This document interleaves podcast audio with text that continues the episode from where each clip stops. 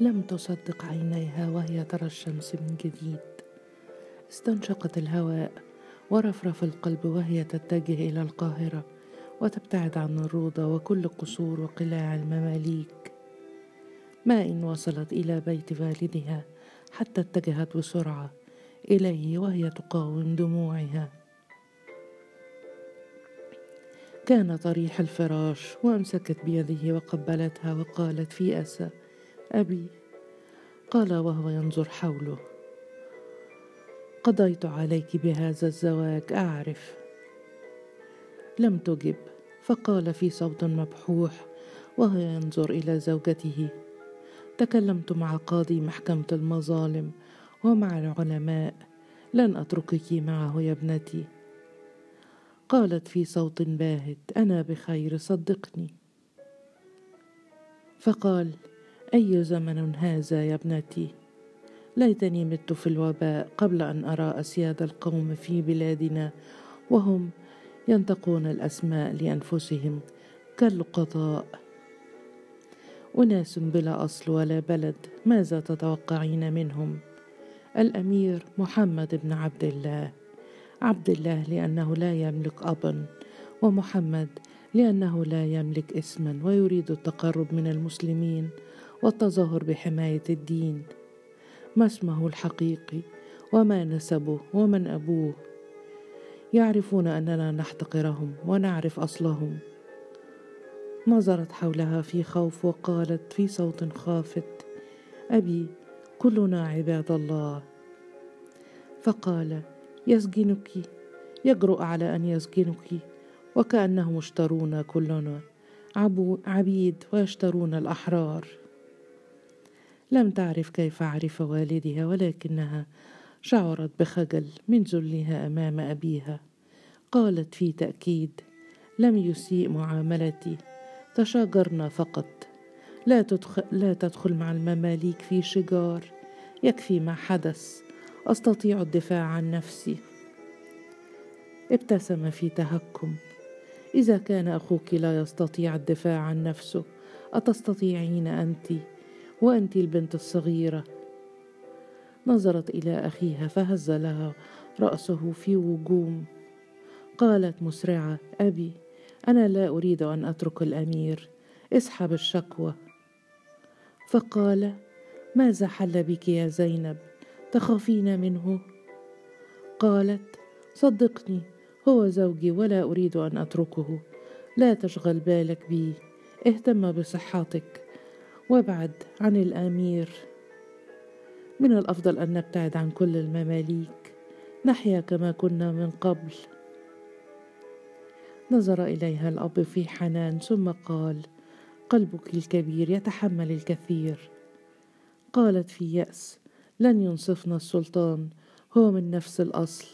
سنغضب الأمير وسينتقم منا جميعا. أخاف على أخي. نظرت حولها لرجال الأمير الذين يقفون في آخر الحجرة ثم قالت في قوة لا أريد شكوى أنا سعيدة معه. ثم قامت من جانب والدها وخرجت من الحجرة إلى حجرة النساء.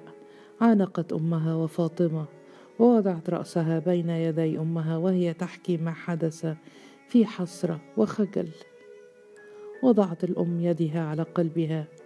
وفتحت فاطمة فمها في فزع فقالت زينب أعرف لا تصدق ما قسيت سجنني وضربني أنا سجينة الآن وحدي في غرفة صغيرة.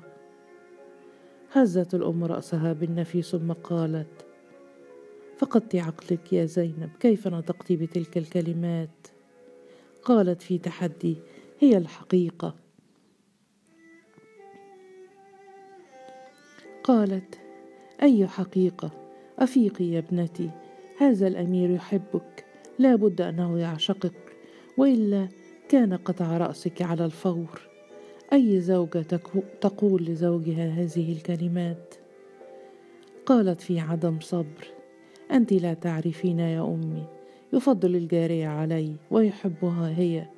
قلت الحقيقة هو من قضى على عمري كله بهذا الزواج. قالت فاطمة في رفق. توخي الحذر يا زينب. سيقطع رأسك بهذه الطريقة أو يجلدك جلدا لن تتحمليه. انسي أمر الجارية واطلبي واطلبي منه الصفح. اليوم حاولي. قالت في قوة أموت قبل أن أفعل هذا بعد أن ضربني حتى أبي لم يضربني قط. قالت فاطمة في رفق. سيبقيك في السجن لنهاية عمرك. لما التعنت والكبرياء؟ هو أميرك وزوجك. شئت أم أبيت؟ تطلبين من والدك أن يتنازل عن شكواه وتريدين أن تتحديه. أي منطق هذا؟ قالت مسرعة. يفضل الجارية علي ألا تفهمين؟ قالت الأم في صرامة. يفعل ما يشاء. ما هذا الكلام الغريب؟ هو أمير يشتري جارية واثنين وثلاثة ويتزوج من واحدة واثنين وثلاث وأربع. قالت والدموع تترقرق في عينيها كنت أريد الزواج من رجل يحبني وحدي ويريدني وحدي لا من المماليك ولا من الأمراء. حرمني من هذا دمر كل عمري. همست فاطمة في أذنيها تحبين يوسف؟ ما زلت تحبين يوسف؟ قالت وهي تمسح دموعها. لا أعرف. فهمست من جديد. هو هنا يريد مقابلتك. شهقت في فزع ثم قالت لا يمكن. فقالت أفهم رجال الأمير يقلقونك لكن لو تقابلت معه في حجرة والدك وكأنه يريد أن يطمئن عليه فلن يشك أحد. يريد أن يراك. طلب أن يراك. استمرت في مسح دموعها وقالت وأنا مهزومه وذليله قالت فاطمة هيا اخرجي له. لم يتبقى الكثير على غروب الشمس وسيطلب الرجال منك العودة. هزت رأسها وقامت في خطى متثاقلة وذهبت إلى حجرة أبيها. كان نائما. أدارت عينيها ورأت يوسف بوجهه الملائكي وعينيه البريئتين وكل الطيبه من حوله. ما إن رآها حتى ابتسم في صمت. ثم نظر إلى فاطمة وقال عمي بخير لا بد أن يسامحني. تسببت له في كل هذا الأذى.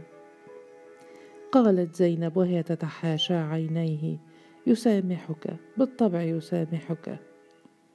فقال ترى هل لي أن أعيد له حقه من الأمراء؟ لم تجب فعاد السؤال وهو ينظر حوله. لو تقدم للمحكمة وحكم القاضي أعيد له حقه فهو يستحق أفضل من الأمراء. قالت وهي تربت على يد والدها النائم لا يستطيع ترك الأمراء.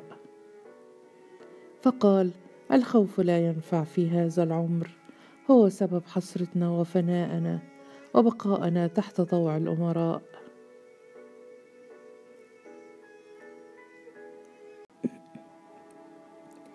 قالت لا بد أن للشجاعة وقت فات وولى.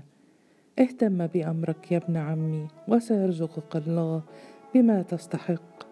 ولا تستهن بآلام السجون وشق الجسد والخازوق. تنسي الشجاع كل شيء ينسى شكواه وظلمه. لا تمت حاول ألا تموت. لا تغامر مع الأمراء قواعدهم غير قواعدنا وقوانينهم غير قوانيننا. قال إن كان عمي خائفا فلا بد أن يقول هل سبب بقاءه الخوف السجن أم أنه يريد البقاء؟ أدارت عينيها وسقط الدمعه من عينها اليمنى وقالت امتزج الخوف بالكثير من المشاعر. يعرف أن العودة مستحيلة وأن القصة انتهت. اعذر عمك هو بشر. قال في رقة أعذره وأنتظره. قالت في تأكيد لا تنتظره فلن يعود. نظرت إليها فاطمة في ذهول. فخرجت زينب من الحجرة متجهة إلى حجرة أمها لتودعها. فهمست فاطمة زينب يمكنني مساعدتك على الهرب. شهقت زينب في فزع فأكملت فاطمة وهي تلتفت حولها. سيسجنك من جديد اهربي. قلت من قبل أنه ليس زوجك اهربي إلى الشام أو أي بلد آخر وربما تستطيعين الزواج من يوسف والحصول على الطلاق. هناك سرداب سري أعرفه لن يصل إليه الجنود نذهب إليه الآن. قاطعتها زينب قائلة في غضب ماذا تظنين؟ أنا لست غانية لم أهرب؟ كيف تتكلمين معي هكذا؟ قالت أخاف عليك فقط لا أعرف ماذا سيفعل بك. ربما يجلدك مائه جلدة على كلماتك أو يبقيك في السجن بقية عمرك. لن يساعدك أحد. تعرفين هذا؟ والدك مريض الآن. لم تجب زينب. اتجهت عيناها إلى الباب.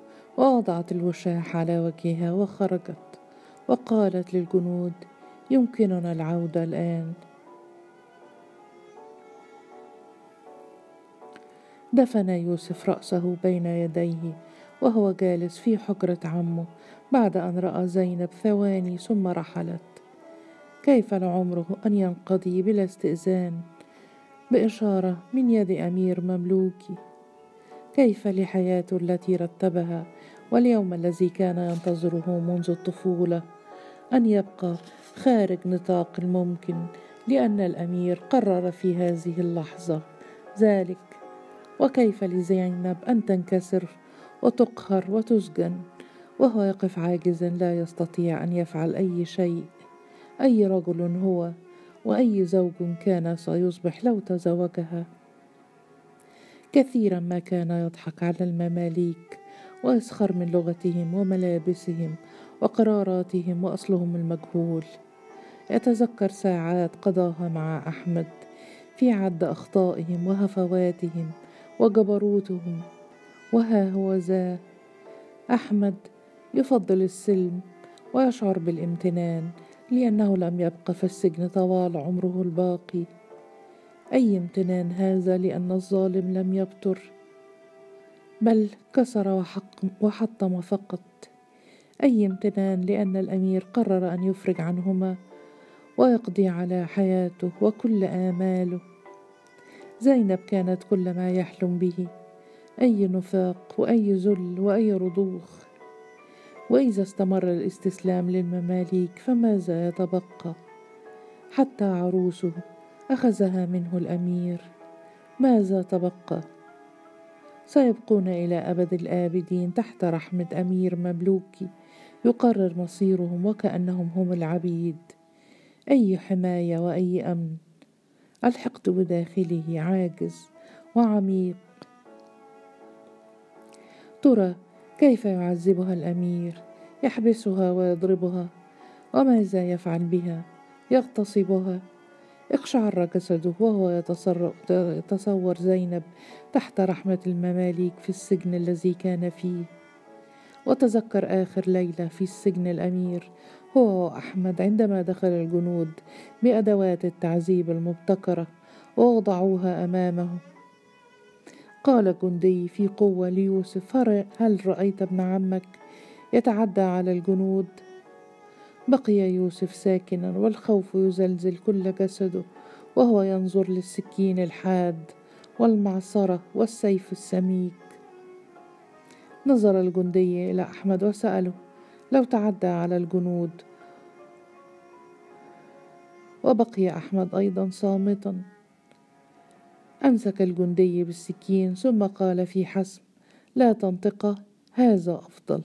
طلب مني الأمير أن أتأكد من شيء قبل خروجكما اليوم ولدي طريقتان للتأكد. واحدة سهلة عليكما وواحدة سهلة علي أنا. هوى الاثنان على الأرض والعرق يتصبب من جبهتيهما والبتر أسهل على الجندي بالتأكيد. قال الجندي وهو يلوح بسكينه وكأنه يهم بالقطع السريع. لو قطعت لسانك يا يوسف لتأكدت من أنك لن تحكي ولن تهزي بكلمات تمس المماليك. ولو قطعت لسانك يا أحمد لتأكدت من أنك نسيت لحظة تصورت أنك تعديت على جندي من المماليك. قال في رجاء نفعل ما يأمر به الأمير. فقال الجندي الأمير يريد أن يتأكد من أن التعدي على الجنود كان هزيا من عمل الشيطان. لم يحدث ولن يتكلم عنه أي منكما. ولو حدث وحكى أحدكما شيئا لو حكى من من فعل أو حكى من شاهد يقطع اللسان في الحال. حتى لو حكى لأمه أو زوجته الأمير سيعرف. قال يوسف حينها في حماس لم يحدث شيء ولم نر شيء. فقال الجندي تدعون للأمير وتثنون على كرمه ورحمته فهو قد قرر الإفراج عنكم اليوم. دعوا له معا وأعينهما على السكين والسيف وأمل النجاة يسيطر على الخلايا داخل العقل والوجدان. الآن ترى أي عذاب تذوق تذوقته زينب. برقتها وحنانها. وماذا قالت للأمير يسجنها لا بد أن الأمير عرف أنها تكرهه لا بد أنه شعر باشمئزازها من اغتصابه.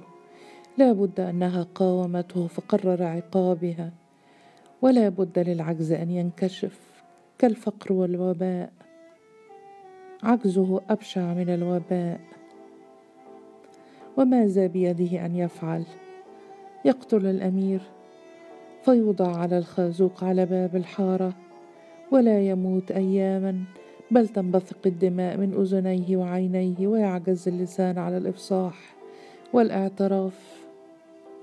يلجأ للسلطان ولما يثق في سلطان غريب من المماليك ومتى أنصفه المماليك؟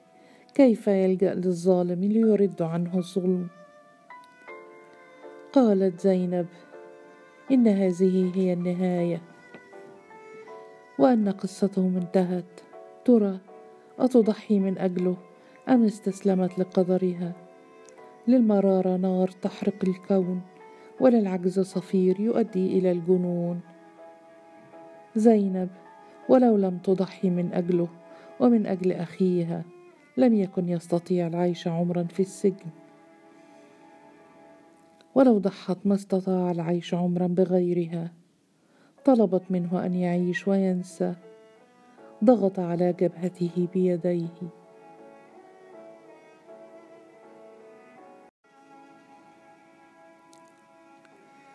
أثناء الطريق الطويل وسط الظلام كان التفكير سهلا والحلول واضحة. فرصتها في الطلاق ضئيلة وهزيمتها أمام الأمير ساحقة. لم يكسر كبريائها ونفسها فقط بل كسر الجسد وأخرج الجنون والاشتهاء. أملها الوحيد في النجاة هو أن يسامحها وتعود حياتهما كما كانت. لم تكن متمردة مثل يوسف وأحمد ولم تكن تكره المماليك أو تحبهم كانت تريد العيش في سلام. العودة ليوسف ما دام الأمير على قيد الحياة وما دام المماليك يحكمون البلاد مستحيلة والطلاق قرار يتخذه هو عندما يمل لها. وفكرة أن يلقي بها في القمامة بعد أن يمتص عمرها لا تستهويها بل لا تستهويها على الإطلاق ولا تعرف السبب. هل كبرياؤها كامرأة تجعلها تتمنى الا يمل لها ابدا؟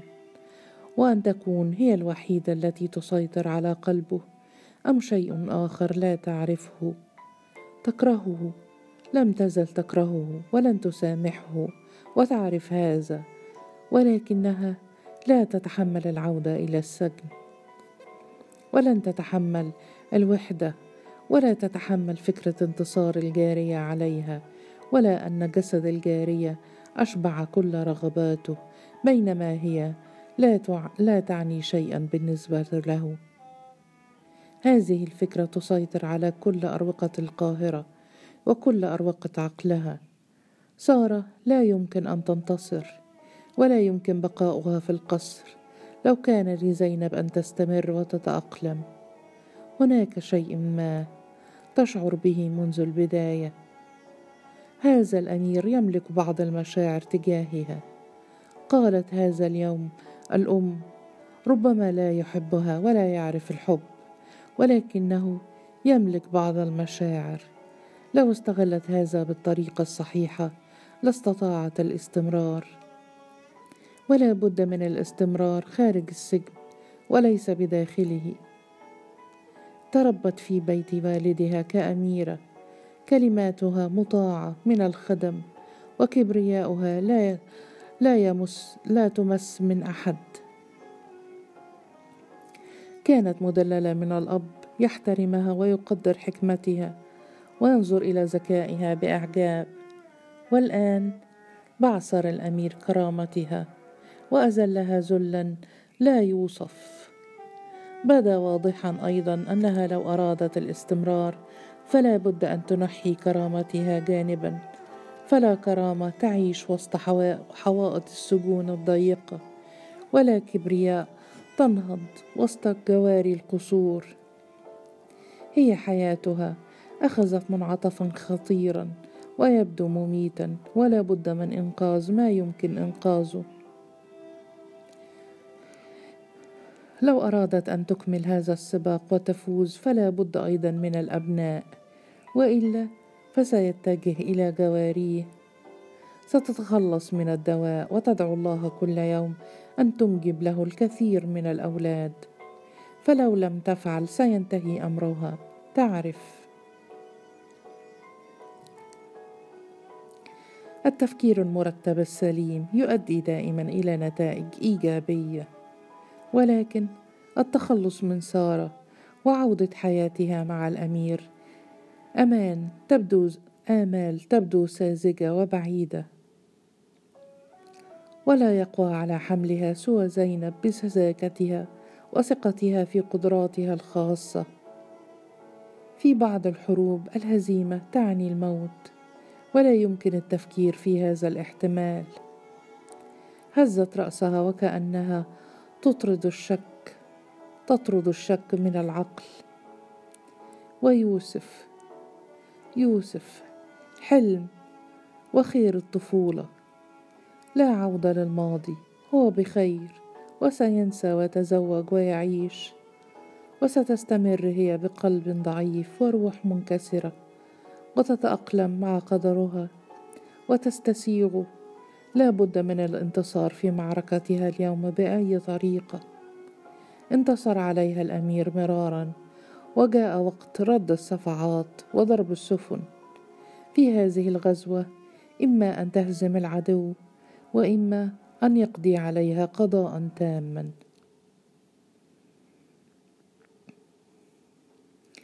ما إن اقتربت من القصر حتى جرت من الجنود بأقصى سرعة وهي تصيح. أريد أن أقابل الأمير. مولاي الأمير محمد. مولاي الأمير. كانت تعرف أنه موجود وأن الجنود لن يجرأوا على لمسها. دقت على باب القصر فتحت احدى الجواري فجرت بأقصى سرعة في اتجاه حجرته. قابلته في منتصف الطريق. نظر إلى الجنود وراءها يلهثون في خوف. همس أحدهم في أذنه ثم أشار لهم بالانصراف. قالت في صوت لاهس جريت لاراك وأتكلم معك. ثم أكملت في ترجي اسمح لي أن أتكلم معك. دقائق لا أكثر. قال في حسم وهو يفتح باب الحجرة دقائق وتعودين إلى سجنك. جرت مسرعة إلى داخل الحجرة وأغلقت الباب ونظرت إليه وهو يقف أمامها مسيطرا على كل شيء. كيف لها أن تهزمه اليوم؟ مد ذراعه على السرير ثم قال ماذا تريدين؟ تريدين التوسط ليوسف من جديد؟ لو فعلت أقتلك اليوم. كانت تلهث بعض الشيء وهي تحاول أن تتذكر كل الكلمات التي فكرت فيها وحضرتها طوال الطريق. قالت في تلعثم أريد أن أشرح لك أن أطلب عفوك أن يتسع صدرك لي. قاطعها لن يتسع صدري. هل انتهيت؟ قالت وهي تهوي إلى السرير وترتجف بعض الشيء. لا تسجني مرة أخرى سأموت. قال وهو ينظر إلى النافذة. لماذا؟ لديك مدفأة وطعام وحتى الخيوط والكتب تركتها معك. همست وهي تمسك يده. سأموت لو ابتعدت عنك لا أستطيع. قال في جفاء زينب اذهبي من هنا. لا أحب الاعيب النساء. قالت في قوة وهي تشد يده وتقوم. هل عاهدتني كاذبة؟ لم أكذب عليك من قبل. سامحني لم أقصد ما قلت. كنت أخاف. كنت أخاف أن أتحطم. أن تعذبني وأنا أراك مع غيري. لا أتحمل ولا أستطيع. قال لم أسألك عن رأيك وليس لك رأي. بدا لها أنه لا يحب الكلام عن المشاعر وعن العذاب وعن التفاصيل. وبدا أيضا أنها ستخسر المعركة. ألقت بنفسها على صدره. وتشبست بكتفه وقالت أحبك. أبقني معك اليوم فقط. ثم احبسني بقية عمري. أبقني بين ذراعيك اليوم فقط.